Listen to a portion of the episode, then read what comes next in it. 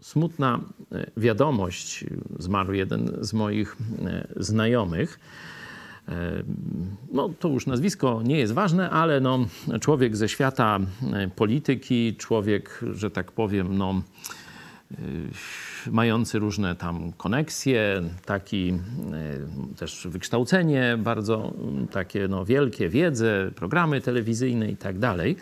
Czyli no, człowiek, y, w którym jeśli nawiązuje się z nim kontakt, no to ja taki prosty żuczek, jak to się mówi, bo to poznałem go wiele lat temu, w 2010 roku, no to się trochę mniejszy czuje, taki skrępowany i tak dalej. No i e, potem jest jakaś tam, powiedzmy, znajomość, a potem jest śmierć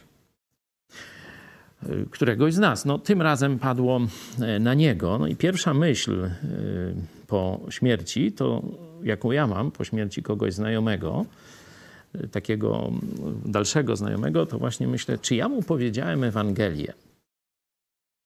Bo już teraz te wszystkie inne sprawy polityczne, takie, śmakie, nie mają już znaczenia. Teraz to już pozostaje pytanie, czy on usłyszał Ewangelię ode mnie, czy ja zrobiłem swoje, no i czy on odpowiedział na to pukanie Jezusa Chrystusa.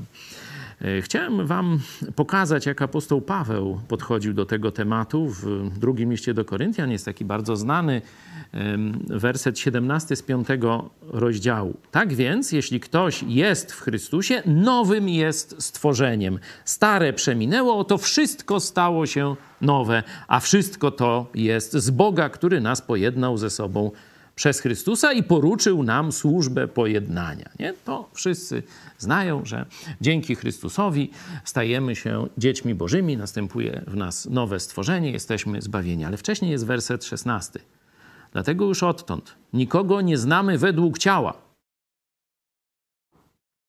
Czyli teraz nie ma znaczenia, czy ktoś jest wysoko czy nisko w hierarchii. Profesor, sprzątaczka, nie ma znaczenia.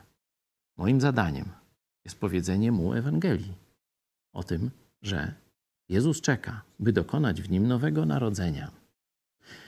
Nie czekajmy, aż ktoś umrze, bo wtedy będzie za późno.